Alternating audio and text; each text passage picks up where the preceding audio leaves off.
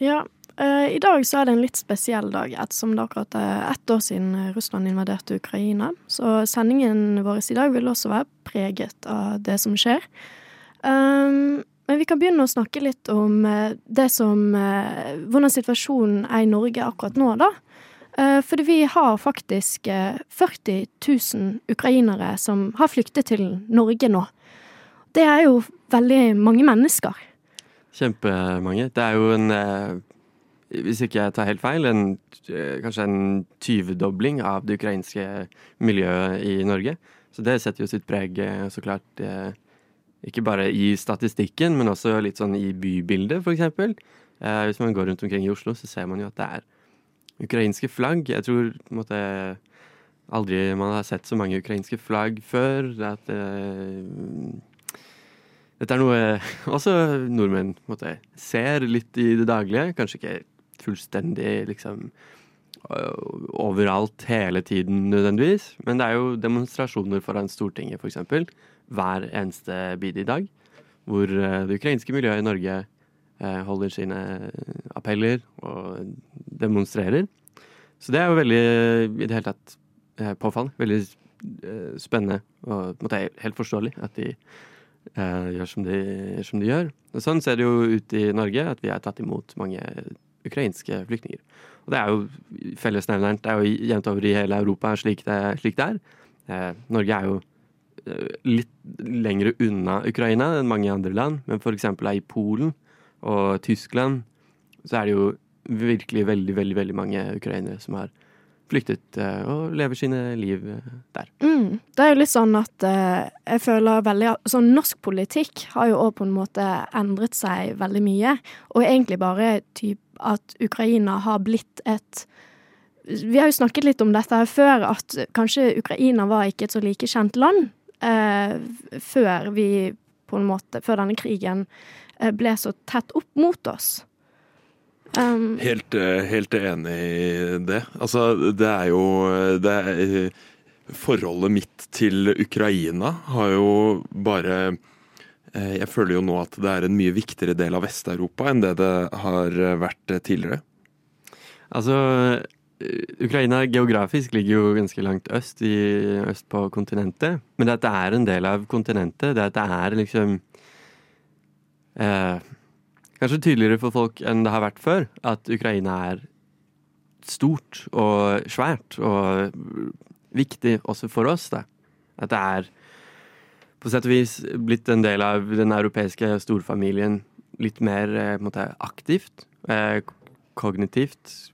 Eh, altså, vi, vi, vi, aktivt anser nå plutselig Ukraina som noe, noe nært og ikke fjernt. Noe kjært og ikke langt vekk, på en måte. Er det er det jeg prøver å formidle. Det er mm. virkelig Det er noe jeg legger, mye, legger meg altså går veldig mye opp i. At uh, oi, vi har jo ikke Vi oppdaget for et år siden at det er noe som heter Ukraina. Og nå har vi den jobben med å prøve å lære og prøve å forstå og prøve å liksom dykke ned i historien. Da, og prøve å få, få forstå, forstått det, eh, egentlig. Ja, altså, for det er jo ikke en heldig situasjon i det hele tatt. Selvfølgelig skulle man jo ønske at krigen aldri skjedde, og at det kunne være fred, og at man ikke, ikke så de scenene man ser og har de opplevelsene man har. Men hvis man skal se på noe positivt i det, så er det jo at man får jo et kulturelt mangfold av det. Og det at såpass mange har kommet til Norge, det viser jo at de har jo et rom her. Det, det, man blir møtt med i hvert fall en viss grad åpenhet og forståelse, og at man vil høre på dem. på en måte. Man vil lære, man vil ta inn både det kulturelle og litteratur og på en måte bare en forståelse av på en måte hvordan livet deres har vært. Fordi som Benjamin sa, så har det jo vært så fremmed for oss så lenge. Så jeg, jeg prøver ikke å si at det er en bra ting, men jeg prøver å si at i det dårlige så finner man på en måte positive, menneskelige, gode trekk da, i det, kan man si. Jeg var i en samtale i går med en som hadde krysset grensen fra Ukraina til Ungarn og blitt arrestert pga. det. Og han sa at han hadde lyst til å, å krysse grensen mellom Ukraina og Polen. Eh, eller nei, krysse grensa mellom Ukraina og EU. Mm -hmm. Fra Ukraina til Polen. Mm -hmm. I fredstrid. Så sa jeg det tror jeg aldri kommer til å være mulig. Fordi, Ah, og det er implisitt at uh, med en gang det blir fred, så kommer Ukraina til å bli en del av EU. Du, det er, uh, Det er min hotte take. For en, uh, for en betraktning der. Uh, Det er jo veldig spesielt. Det er jo kjempe det er, Nå foregriper vi oss litt, for vi skal snakke om fremtiden også. Vi skal snakke om ting som forhåpentligvis liksom Eller ja, vi skal også ha den fremtidsdimensjonen med oss i sendingen i dag. Men det er helt riktig. Ukraina er et kandidatland til EU. Det vil jo si at den langsiktige planen er å gjøre Ukraina til et EU-land.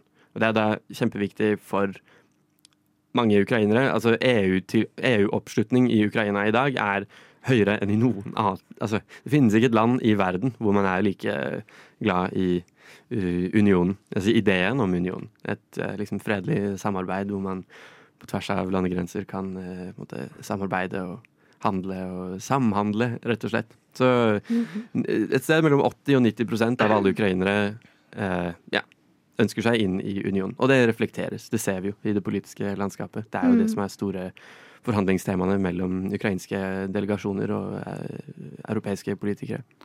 Man, sånn, kan man nesten på en måte synse litt om grunnen til at det er så høy oppslutning, er fordi at det er bare den største kontrasten noensinne til tilstand nå, på en måte. Eller at det, det, liksom, det blir sett på som på en måte befrielsen, eller sånn det fine målet. Det var en, eh, en eh, ukrainsk politiker til eh, svenske SVT som sa det for noen måneder siden, at eh, Ivana Klimpush-Tsintsadze, het hun, eh, hun sa at for ukrainere er EU lyset i enden av tunnelen.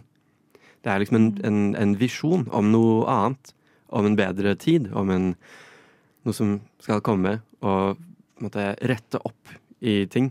Gjøre livene mer Altså gjøre ukraineres liv eh, ja, bedre. Mer tålelige. Mer på en måte Ja. Det er jo denne utrolig interessante fremtidsrettede um, dimensjonen da, som man finner i ukrainsk kultur, og spesielt altså, Som alltid har vært der, men som spesielt nå er skikkelig, skikkelig skikkelig sterk og oppe og, og går. Det er jo også denne europeiske dimensjonen, denne europeiske faktoren, som er utløsende årsak i at i 2014 eh, 2013, julen 2013, 2014, at ukrainere tar til gatene i Kyiv, og altså eh, At Maidan finner sted, denne revolusjonen som ønsker da å ta Ukraina inn i Europa. Ja, fordi det var det vi snakket litt om i sted. Det er at uh, Vi snakker jo om at uh, denne uh, denne krigen, eller at Russland invaderte Ukraina for ett år siden. Og det er sant. Men det er jo så mye historie før. For ett år siden. Vi har 2014, vi har Det, det er så mye. Det, det ligger veldig mye historie bak. Så det har jo egentlig vært en invasjon av Ukraina på ganske lang tid. Absolutt. absolutt. Eh, Det er jo noe jeg eh, har jobbet litt med, og vært, eh, vært i Donetsk og filmet en liten dokumentar fra Slovjansk, en by hvor de første russiske sabotasjeaksjonene og hybrid krigføring, det er det det begynte, der det begynte altså parallelt samtidig med eh, annekteringen av Krim. Dette er jo en dette er kanskje først, Det var første fasen i en lengre, i en lengre ting. Lengre konflikt. Mm. Altså, det er jo en grunn til at flere sier at krigen i Ukraina ikke starta for ett år siden, men at den starta for opp mot ni år siden, eller i hvert fall.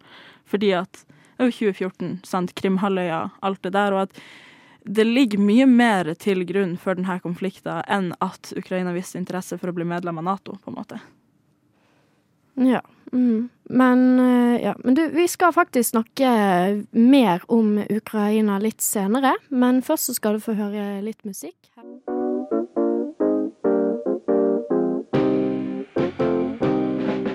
hører på Radio Novas samfunns- og aktualitetsmagasin Opplysningen. Hver fredag fra klokken 10 til 11 på Radio Nova. Opplysningen på Radio Nova.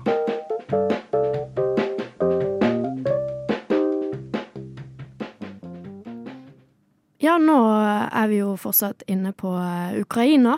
Eh, og vi skal snakke litt om, eh, om fremtiden. Eh, hvordan vil eh, situasjonen endre seg? Ja, Vi var inne på det litt her mens, vi- mens dere hørte en sang her på lufta. Så snakket vi litt om eh, det store overhengende spørsmålet, sånn taktisk, da, militærtaktisk kan du si, eh, er jo når Ukraina setter i gang sin eh, motoffensiv, antageligvis en eller annen gang ganske snart, eh, i løpet av denne våren. Hvor da målet er å gjenerobre så mye terreng og territorium som mulig. Eh, det er jo da utpreget egentlig det som er det over, overhengende målet i, også blant, eh, Man hører også blant vestlige politikere at man sier Ukrainas grenser er 1991. Det, er, det inkluderer også Krim-halvøya. Så det beror jo litt på hvor mye eh, våpenstøtte og materiell eh, hjelp den ukrainske eh, krigsinnsatsen får. Det er noe som eh, måte har langsomt trickled down litt, litt og litt og litt og litt i løpet av det siste året. Eh, men så er jo da eh, etter hvert også norske tanks på bakken i Ukraina. Og det er det man virkelig trenger for å lansere slike motoffensiver. Så eh, ammunisjonsproduksjon, altså sånn her i Norge på Nammo, eh, er økt. Eh, det er en felles sånn Nato-innsats for å eh, produsere nok, ja, nok ammunisjon også, slik at disse motoffensivene kan, kan finne sted. Og ja, så er det da en idé om at eh, man hører det, dette fra ukrainere, at liksom vi har ikke en dag å miste. Så jo fortere vi får gjort det her, jo bedre. Jo fortere vi, vi vinner, jo fortere kan vi deale med alle de andre spørsmålene som kommer da etter, eh, etter det. Det er jo sånn et, et mega Ukrainas fremtid virker å være ganske spikra og måtte, har fått stempelet godkjent. Ukraina, EU, kanskje til og med Nato også. Boom. Det er den institusjonelle greia der. Russland er jo heller et helt annet spørsmål.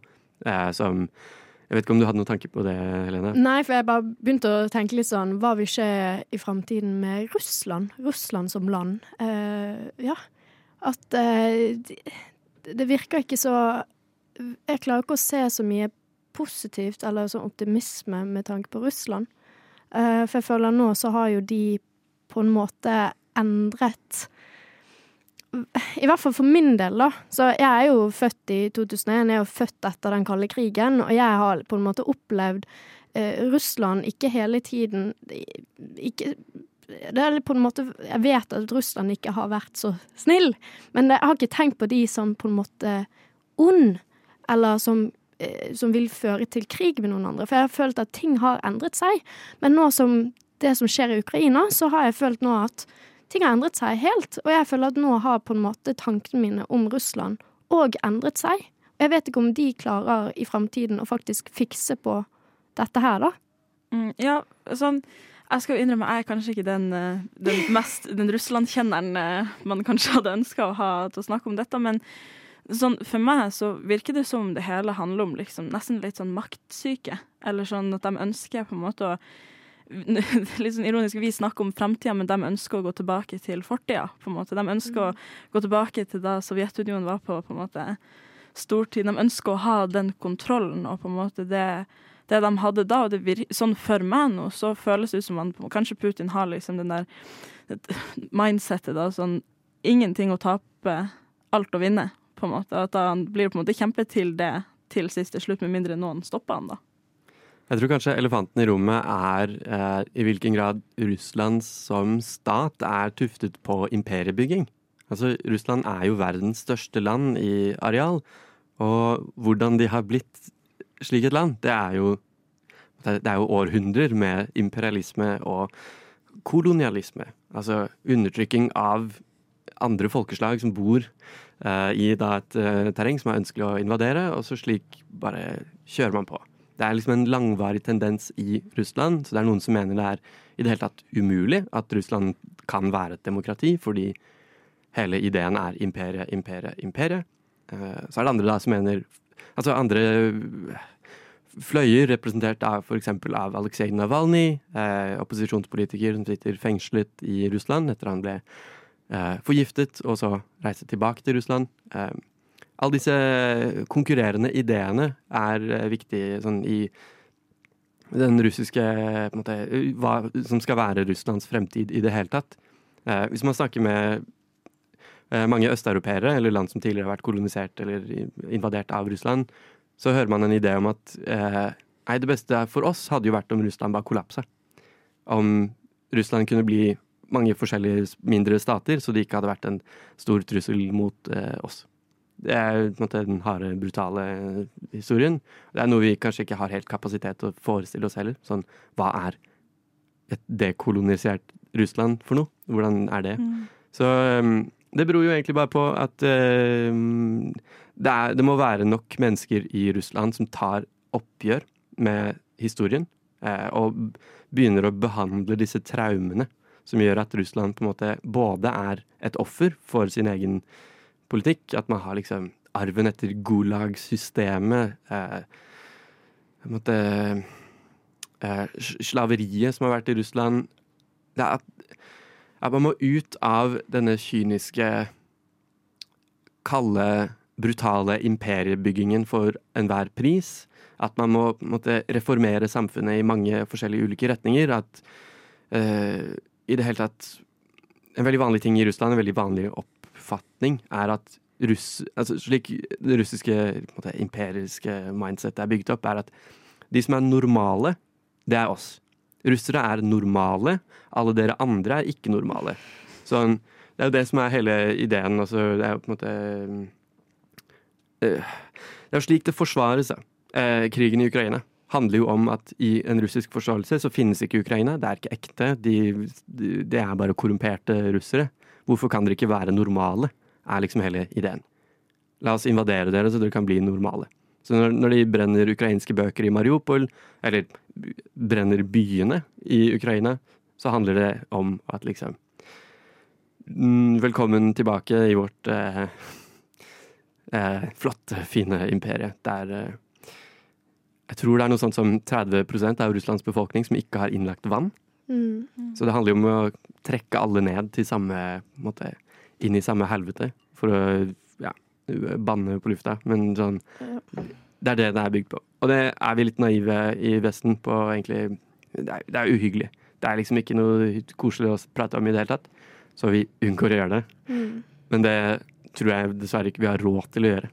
Jeg tror vi må være realistiske og på en måte virkelig egentlig begynne å snakke om disse tendensene i russisk politikk. At liksom Putin er valgt, ja, altså eh, Det er val- valgfusk osv., men han er en, en, en, en leder som er svært populær. Og fra liksom, Putins første stund ved makten så handler det jo om La oss bombe Tsjetsjenia så de kan bli normale. Det er jo helt sinnssykt. Helt, helt sinnssykt. Det er helt sykt. Um, I dag så er det faktisk en eh, demonstrasjon utenfor eh, Stortinget klokken fem, tror jeg. Eh, For å eh, støtte Ukraina, så det er bare å møte opp. Eh, Men vi må gå videre i sendingen. Men først så skal du få høre litt musikk. Her får du 'Full of Days' av